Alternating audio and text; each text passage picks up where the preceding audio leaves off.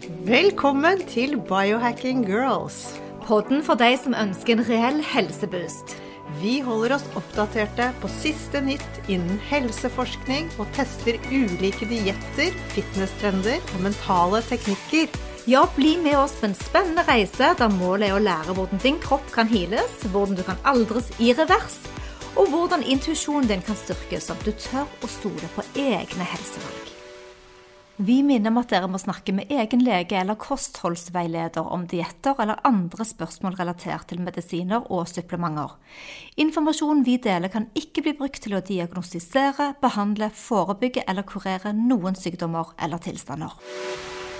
Monica, hva tenker du når jeg sier lever, tunge, fermentering, torskerogn, innmat, blod, eller hva med hjerte? Jeg kjenner jo igjen noen av disse tingene, sånn som oksetunge. Det elsket min morfar. Men jeg syns jo at alt utenom torskerogn virker veldig fremmed. Og noe jeg ikke kan så mye om. Så, så, det føles litt rart, men jeg vet at mine besteforeldre spiste organ, organmat. Og hjemme så hadde vi gjerne stekt lever med epler til, men da stakk jeg og spiste hos venninnene mine. ja, men vet du hva? Jeg har faktisk vokst opp med innmat, jeg. Vi eh, grillet utrolig mye i min oppvekst. Og da var lever, nyre og margben det var fast uh, kost på vår grill. På grillen? På grillen, Ved siden av vanlig kjøtt. Okay. Men det var ikke så mange som da ville spise hos oss. ja. Men så, når jeg flyttet hjemmefra, så gikk jo alt dette i glemmeboken, og jeg har ikke ofret innmat en tanke. Velkommen til Biohacking Girls. Jeg heter Monica. Jeg er Alette. Og i dag har vi med oss en spennende gjest fra Maryland i USA. Han heter dr. Bill Schindler og er matforsker og en verdensomreisende arkeolog. Han er en stor inspirasjon for oss når det gjelder hvordan vi tenker på mat. Ja, vi skal fordype oss litt i et interessant tema som vi biohackere er veldig opptatt av, nemlig mattrender, som du sier, Alette. Og vi leser jo stadig om både den ene og den andre ingrediensen og matsorten, at den er bra for oss, og så er den andre den er dårlig for oss. Og det er veldig mange meninger, så det kan være litt vanskelig å forstå hva som egentlig er bra for akkurat deg. Men det å føle seg sunnere og ha mer energi, å ha mindre betennelser og smerte, og det å ta vare på planeten vår, det handler ikke bare om kaloritelling eller å veie og måle maten. En annen ting er det at mat ofte blir kritisert, og det blir vurdert. Altså vi vurderer hverandre. Du har jo gjort det på selskap. Vi ser folk, og hun spiser sånn, og han spiser sånn. Mm. Og man kan bli litt usikker på seg sjøl. For vi vil jo ikke egentlig fordømme mat. Og man ønsker heller ikke å bli kritisert for sine matvalg, uansett hva man spiser. Nei, det er uh, riktig. Det er veldig viktig at vi er ydmyke overfor andres valg. Kanskje ikke blander oss så mye opp i hva andre putter i sin munn. At vi har fokus litt mer på oss selv. Det var jo litt sært at de hadde så mye lever og hjerter hjemme hos deg, da. Ja. Men det må de jo få lov til. Det må, det må, jo, det, det må de. For nøkkelen er nemlig å spise som et menneske. Eat like a human. Dette betyr faktisk at du må fordype deg litt i det du putter i munnen. Hva med å gå inn på en helsekostbutikk, kjøpe en kjekspakke. Utenpå så står det økologisk, naturlige ingredienser etc., etc. Det føles kjempesunt, ikke sant? Mm. Men snur du da pakken og leser bakpå innholdsfortegnelsen. Hm? Ja, jeg gjør jo det fordi jeg har lært meg til det. Bra. Ja. ja. Det har nemlig jeg også gjort en stund nå. Og jeg har kommet til at det enkleste er å spise mat som ikke har så lang innholdsfortegnelse. Og vi er jo nå blitt veldig inspirert av Bill Schindler med å komme oss litt tilbake på kjøkkenet. Nå i denne carnivore-eksperimentet vårt så har vi jo faktisk både laget kraft og hjemmelaget leverpostei. Ja, eh, og du har jo hele tiden sagt at det er så lett. Og egentlig så er jeg enig med deg. Det å lage leverpostei. For det har jeg aldri gjort før nå mens vi har spist kjøtt eh, i mange uker. eller dette. Men det som er bøygen, og det tror jeg kan være for veldig mange, det er også hvor i all verden får jeg tak i den leveren, og hvilken lever er best? Skal jeg ha kyllinglever, eller skal jeg ha okselever? Og, og hvor finner jeg dette? Og det har jo jeg oppdaget nå at det finnes nesten bare i frysedisken. Men vi har òg lagd eh, fermenterte sitroner, og du har vært en racer på kyllingkraft. Ja, Ja. det har jeg. Og jeg har lagd oksekraft som har kokt og luktet eh, ku i huset i tre døgn. Men, men eh, det, det er, dette er noe av det vanskeligste for de fleste, siden vi blir bombardert med så mange ulike forskningsteorier om mat. Så for meg, hvis jeg skal gjøre det lett for meg sjøl, så kjøper jeg gjerne mat uten ingredienser som er tilsatt, altså whole food. Mat som er ren. Og så det som jeg sier, lage litt selv. Unngå prosessert mat. Og så prøve liksom å unngå de raske løsningene når du føler at du er litt for mye i farta. Så er det så lett å bare dra med seg en eller annen ferdig rett eh, på butikken. Veldig lett. Men du, Monica, nå har vi dr. Bill Schindler på tråden fra USA. Hi, Bill. Welcome to our podcast and congratulations on your book, Eat Like a Human. We have tried to order it, but it seems like it's sold out. So uh, we need to introduce you a little bit here. So if you could uh, tell me a little bit about yourself and your background and what led you to your food philosophy today. Sure, I'd be happy to. So thank you for having me on. It's such a pleasure to be here and talk to you both. Um, great. So I am a. I came at this a little bit differently than than most people in the nutrition world and and the food world. I am a, a trained prehistoric and experimental archaeologist, and my work is focused on technologies of the past, uh, beginning about three and a half million years ago. So, uh, through that lens, I look at the role that technology plays in uh, changing and evolving human diets, and then uh, by extension, how those changing and evolving human diets supported our changing and evolving human bodies. So then, after all this, uh, in your opinion, what is the best human diet today? Ah, that is what what a fantastic question. Isn't that, the, isn't, isn't that the question that we're all trying to answer, right? Yes, and I think you can um, do it. Oh, I- well, I hope that I can. So I- I think there's no doubt, and, and most of us in the ancestral diet community certainly understand the value and the importance of looking to the past uh, to, to better to understand the diets that we should should have today, and, and really the diets that we should have in into the future. What I I, I would like for the ideal human diet. Um, I do believe that even though there's so much information to, to, to get from the looking into the past, that the ideal human diet has not been created yet. And we're close. we, we've done a very, very good job, and the diets of the past are certainly much better than than uh, most of the diets that anyone uh, living today are, are, are a part of. But um, you know, the, the philo- my philosophy on food and diet health uh, stems from the understanding, or at least the belief, that we humans have one of the least efficient digestive tracts of any animal on the planet, but have some of the highest nutritional requirements because of these, you know, our, our rather large bodies in comparison to our guts um, and our teeth size, uh, and also these incredibly large, uh, nutrient expensive brains that we have. And since we eat a whole host of foods that we as humans really have no business eating, what we've done over time is create technologies. What our ancestors did is create technologies to access increasingly diverse and nutrient dense resources from our environment. And most importantly, use these technologies to transform those, uh, those nutrients, those raw materials, into their safest and most nourishing forms possible for our bodies. And we started to do this when we started making our first tools about three and a half million years ago. So, from my lens, the you know the uh, starting to answer the question, what is the ideal human diet? Isn't necessarily just about the foods themselves. Is it meat? Is it fat? Is it vegetables? Is it fruit? Whatever.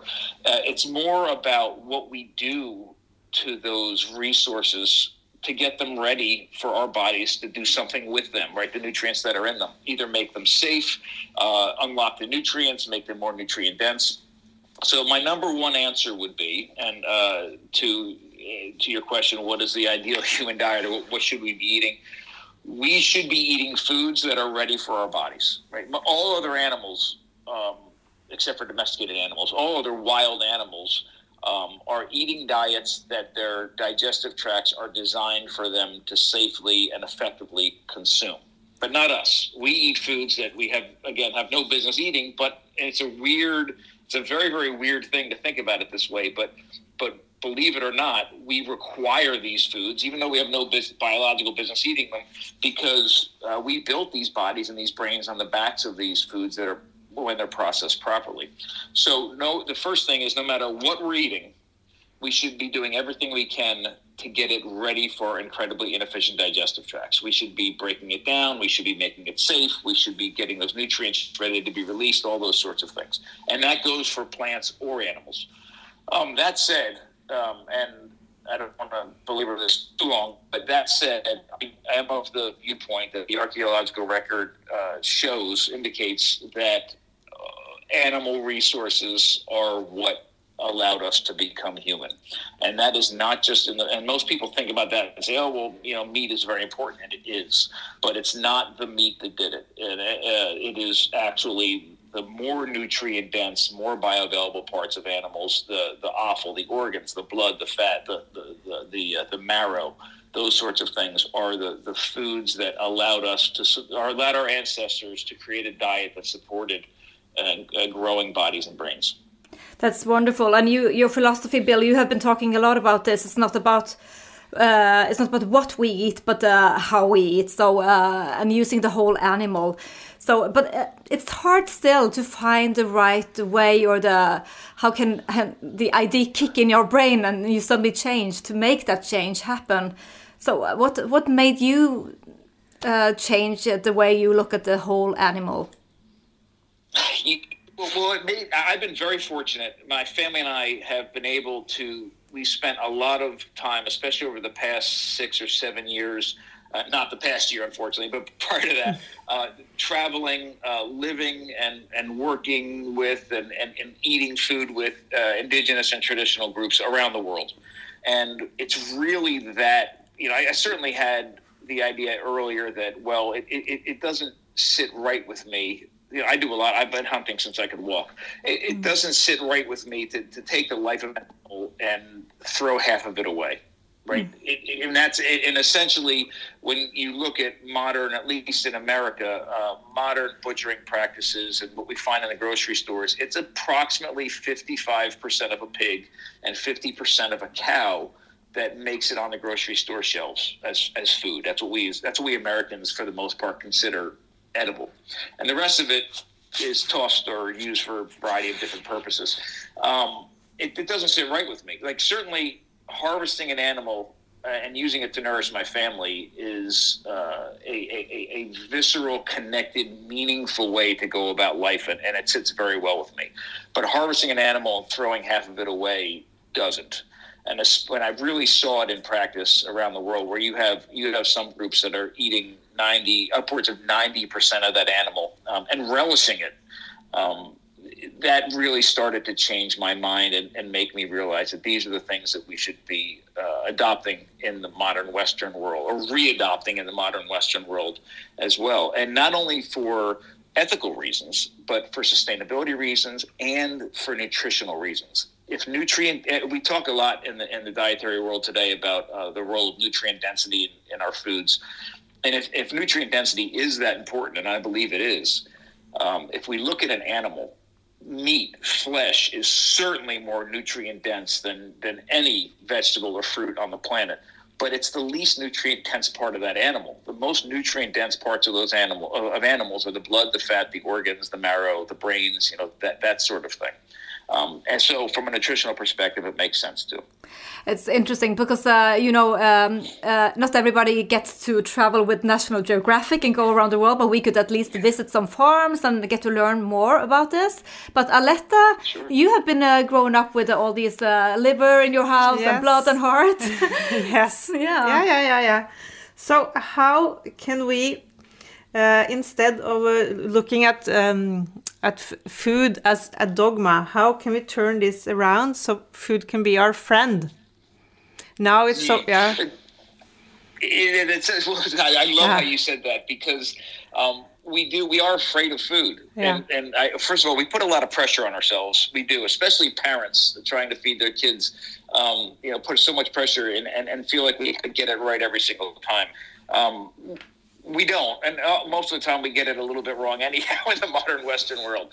But there's first of all the first thing we need to do is is is take away this fear, take you know, uh, take away this this idea that it has to be perfect and start to take steps to um, look at food as something for what it really is. It's supposed to be something that nourishes us, and it's supposed to be something that doesn't just biologically nourish us, but also emotionally nourish us. I mean, we as humans are, are different than other animals in the way that we approach our food in a lot of different ways. Um, not only because of our weak digestive tracts and you know incredibly small teeth compared to body size and those sorts of things, but it's also because you know food is such a cultural aspect of our lives and culturally important aspect of our lives. It needs to when we consume our food it needs to fulfill every part of our lives when we do it. Um, so when, we consume it when we prepare it when we access it all those sorts of things. So first off i think we need to relieve a little bit of pressure and just take a step back and say okay anything that i do where i'm consciously trying to make a change is is beautiful is powerful. Um, also when we the role of processing food is, is so important in what we do as humans that um, it can get overwhelming. So a lot of people are have difficulty, you know, think that they will have difficulty even boiling water or doing whatever. And, and the kinds of things that I'm talking about here are really starting to try to do things from scratch. You know, if you're if you're going to eat bread, you should, in my mind, should be eating sourdough bread, and it's very difficult in many places to to purchase real sourdough bread. So if you're going to consume it, you might have to make it, right? And and and we start thinking about things like that and making cheese and butchering animals. It sounds like these are really incredibly difficult things to do, but they're not. I mean, these are things that our ancestors have been doing in many cases for. Um, in the case of bread, for 10,000 years. In the case of animals, butchering animals for millions of years. Um, they've been processing food in caves with stone tools and clay pots and an open fire for a very long period of time. And the kind of processing I'm talking about is incredibly simple, and everybody listening to this lives in a kitchen that's better equipped than our, you know, than our ancestors 200,000 years ago. So it's all accessible, it's all relevant, it's all easy. You know, it's so easy. It's all it's all something we can we can do and, and, and learn. But here's the most important thing I think our goal should be, and this is going to sound like a, uh, well, yeah, of course it should be, but if we really think about it, most of us don't do this. Our goal should be every time that we, you know, we sit down to a table, our family sits down to a table and consumes food, and then gets up from that table. The goal should be that we get up from that table feeling better than when we sat down to it before the meal. I mean, and that's what food is supposed to do. And I mean, feel better, that our bodies feel better, our minds feel better, our hearts feel better, that we, we literally use food as something that nourishes us and not something that we're afraid of, not something that we're trying to ration, not something that we're trying to, you know, just shove in our faces and be gluttonous about. We should get up from that table and feel better.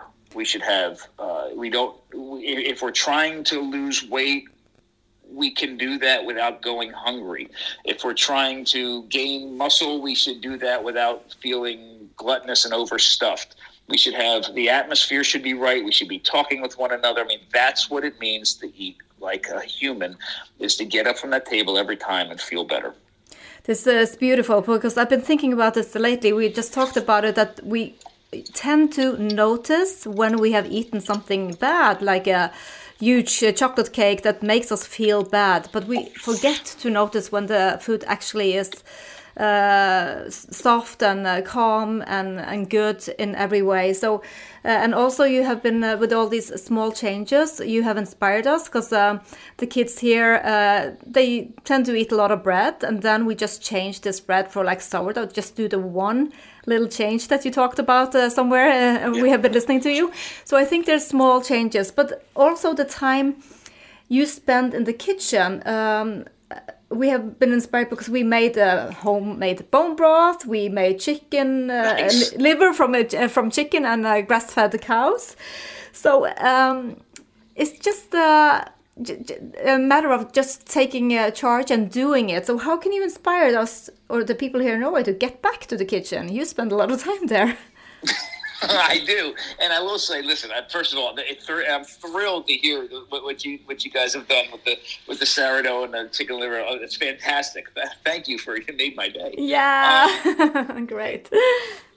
I, we I I, I think we've confused um, convenience in our food and our food system with um, laziness or la- it's replaced. In other words, we people talk about food all day long, especially here in America. I mean, we talk about it. We have TV shows. I'm sure it's the same in, in Norway. We talk about it all day long, but most of those conversations are, are superficial conversations, and uh, you know, real conversations about food, where food comes from, how to properly, really, truly cook food. Um, many people find uh, annoying or, or or exhausting, right? But you know, if we think about that aspect of food as being incredibly important to the health of ourselves, our families, our communities, our, our, our planet. Um, and the fact that we can even engage in them and make these kinds of choices, um, it becomes a privilege, really, mm. to, to, to, to, talk about food at, at that level. And the opportunity to make food in our own kitchens that can nourish us. I mean, the same, the same ingredient, depending on, on how it's, how it's dealt with, mm-hmm. can can cause incredible or can create incredible nourishment or cause incredible harm.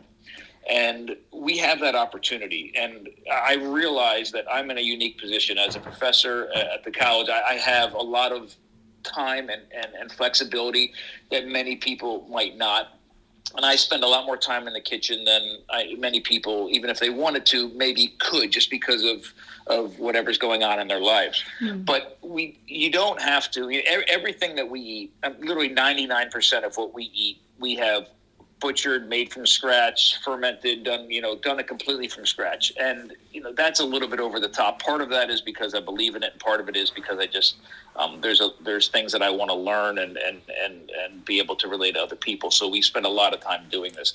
You, you don't need to do that to make incredible changes. I mean, so the the first thing.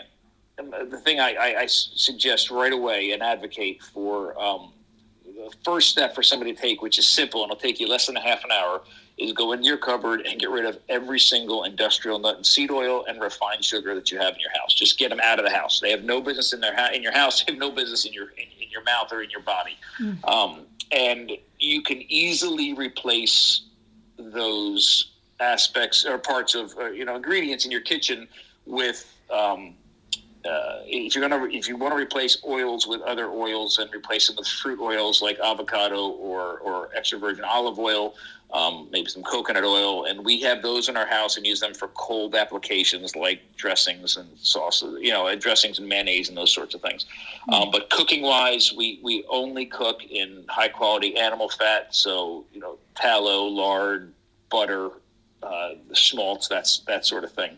Uh, that's a huge change, a, a, immense change. The second thing is the refined sugars. Um, we do use some sweeteners in our house sparingly, and when we do, um, it's uh, honey or it's um, unrefined sugar like muscovado or it's um, uh, things like maple syrup. You know, that, that uh, those sorts of things. Mm-hmm. Now, I, I, say that is that is what we um, that's what we do on a daily basis. But at the same time, I would also say, and I mentioned this earlier, there is a level of, of, of food and this food dogma and this this this fear and this having to do 100% right. We have to give ourselves a little bit of a break. I truly believe that things like birthday cakes or you know special occasions, those sorts of things. You know, my, my kids love my kids love cookies, and if they want to make a cookie from scratch, they make a cookie from scratch. I mean, heck, my 13 year old daughter wants to make cookies from scratch. Have at it, right? There's not a you know we, we, we can't be afraid of our food. We can't have this sort of um, uh, food running our lives. And then the final thing is, I, I, would say, is take one thing and tackle it. Take the food that you eat, you and your family eat all the time. And I don't care how complicated or simple it is. I don't care how exciting or boring it is. Take that food and start there. Learn to make that food from scratch. Because if you can replace that food that you eat all the time with its most nourishing version possible, then you're making incredible uh, incremental change. So we, we, don't eat a lot of bread in our house. The bread that we do eat is is 100% sourdough. And imagine if your kid eats a sandwich every single day, and all that you did was make that bread from scratch. It's a sourdough loaf bread, something like that. And, you know, you're talking about tens of thousands of slices of bread over the lifetime of uh, uh, you know maybe thousands whatever uh, of your child's um, uh, life until they're 18 years old that's a humongous change now it's not necessarily as sexy as throwing a pig on the table and, and butchering it and you know using the blood but but it, it's you know you do that once okay, that's one thing. You do this bread every single day, that's a real meaningful change. Uh, we love that suggestion, and we, uh, of course, adopted it. And it's easy to get uh, good quality sourdough bread here, so we did that. But I have to ask good. you also. We have to, yes, we have to ask you also since you brought up the seed oils. And it's kind of controversial um, subject to discuss these days. But uh, would you give us an explanation or your opinion about these seed oils?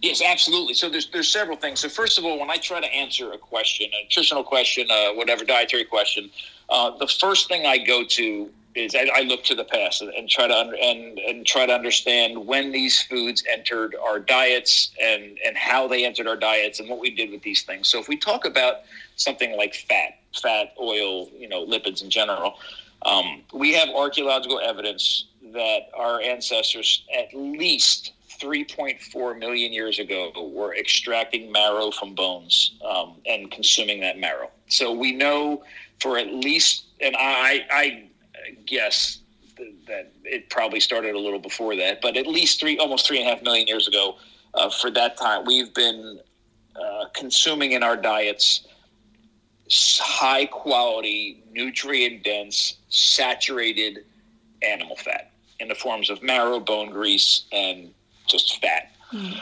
Um, industrial nut and seed oils entered our diets a little over 100 years ago.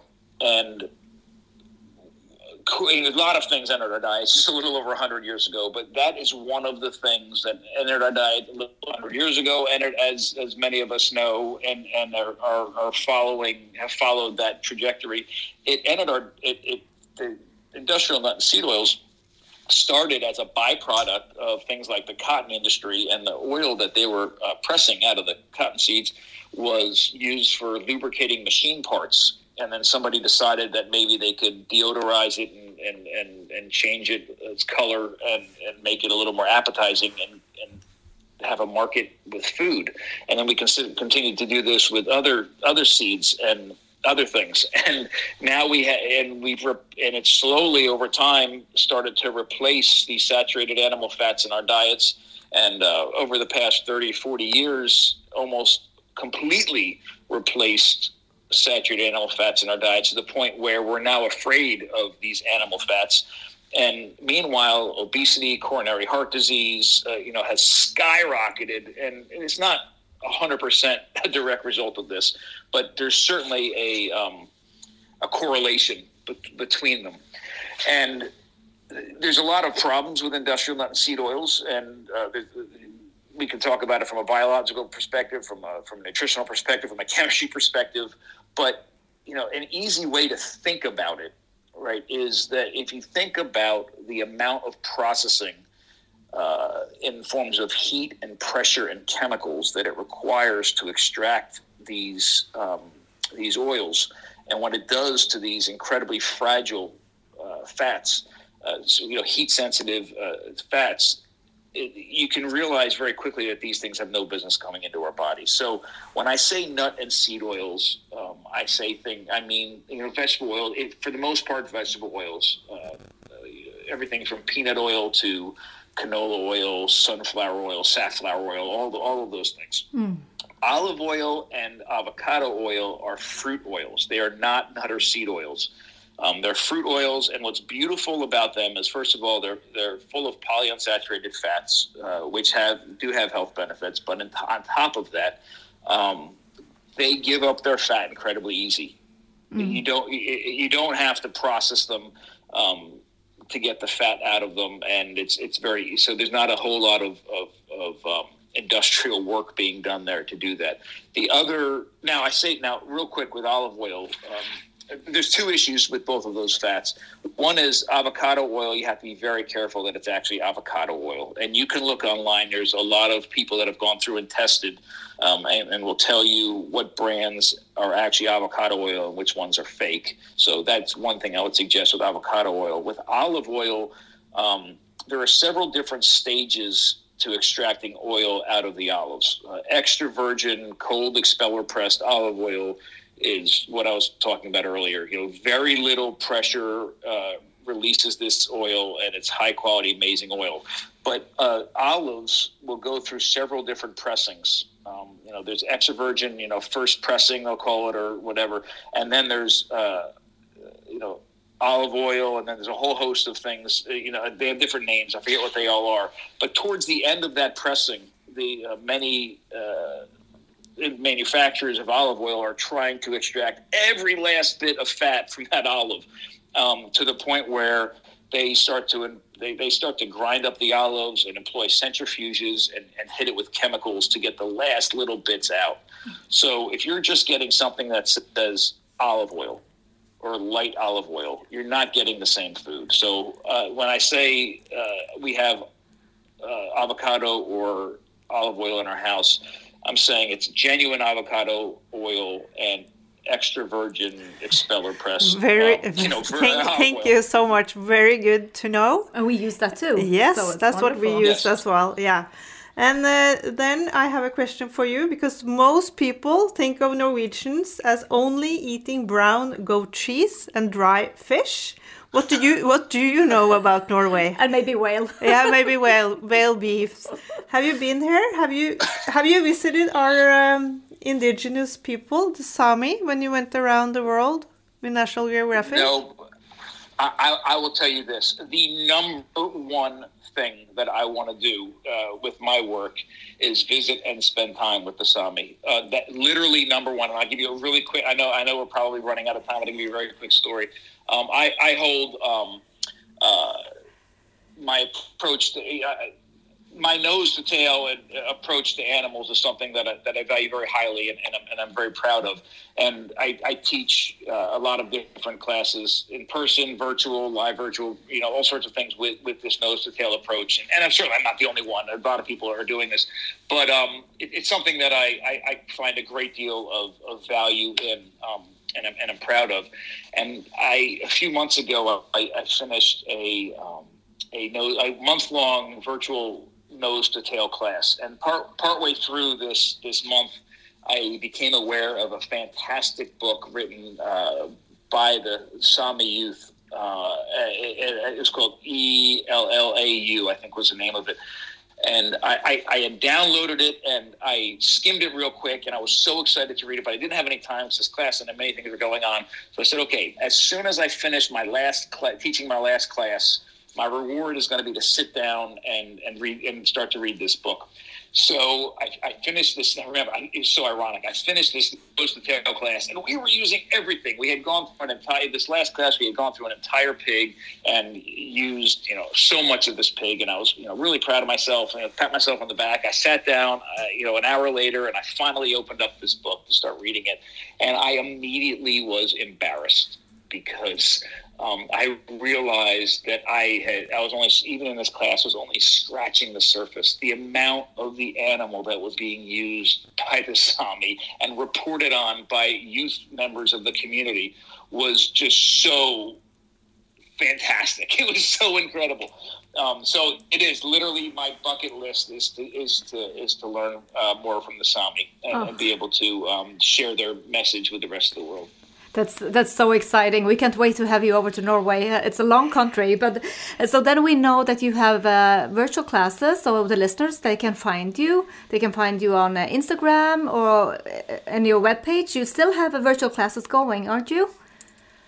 Absolutely, and we're about to launch a whole new session of a whole new cohort. But yeah, at, at my at my uh, webpage, uh, eatlikeahuman.com, you can find all sorts of information on uh, virtual classes, downloadable classes. We have a blog, and, and all, all the other information that we have can be found on there. And then on social media, at Dr. Bill Schindler, so at Dr. Bill Schindler. And Eat Like a Human will uh, probably uh, being uh, available for Norwegians too soon. I hope. Oh, oh, the book. book? Yeah, Yes, the book. I'm sorry. I'm still. Yeah. So the, the book is finished. It is on pre-order. We're still working on, on all the other pieces for. Um, I, I know that it's available in at least six or seven different countries now, but we have a big meeting next week, and I will bring up the, the issue that you had uh, finding it in Norway. Um, so I'll, as soon as I figure out a solution, I'll let you know so you can let your listeners know. Oh, that's super. Thanks, Bill. So we are biohacking girls. So our last question for now is what do you put on your plate these days?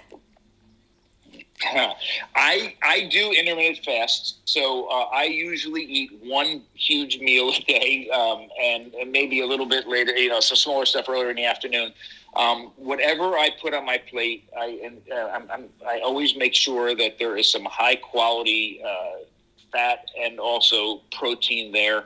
Um, if it's again, if it's plants, they're processed properly. But you know, very quickly, the um, one one of the things we were talking about earlier was the you know, what is something that I put on my plate that I absolutely love? Mm. And I'm going to tell you in a second, but I will say for some of the people out there that might be a little bit, um, uh, I don't want to necessarily say they say squeamish about it, but are just starting to step their toes into, into some of this. This is going to sound strange, but I would suggest it is um, uh, a gateway a gateway uh, food to uh, you know a much larger uh, much larger food adventure but it's marrow I absolutely love everything about um, really high quality marrow from from properly raised animals, so grass fed beef or, or, what have you. Um, and I, my fa- one of my favorite foods in the world is to take a gorgeous piece of sourdough bread, um, put a little bit of, of, of, greens that I've dressed with a you know little bit of olive oil and maybe lemon juice on on there, and uh, and put uh, some warm bone marrow right from the oven right onto that bread, and it is it's delicious, amazing. Oh, we are surely going to try that. Yes, you made me hungry now. Det är rätt marg. ja. Margbein. Okay, we're going to try that. Thank you so much, Bill. That was beautiful. And tusen takk til alle dere som har hørt på Dr. Bill Schindler i USA. Vi håper at dere har lært masse nytt og er like inspirerte som oss. Og vi skal dele linker og shownotes under, så du kan få kontakt med Dr. Bill Schindler og hans online-kurs hvis du vil det. Legg gjerne igjen en kommentar eller still spørsmål, for da gjenstår å si fra oss Happy biohacking!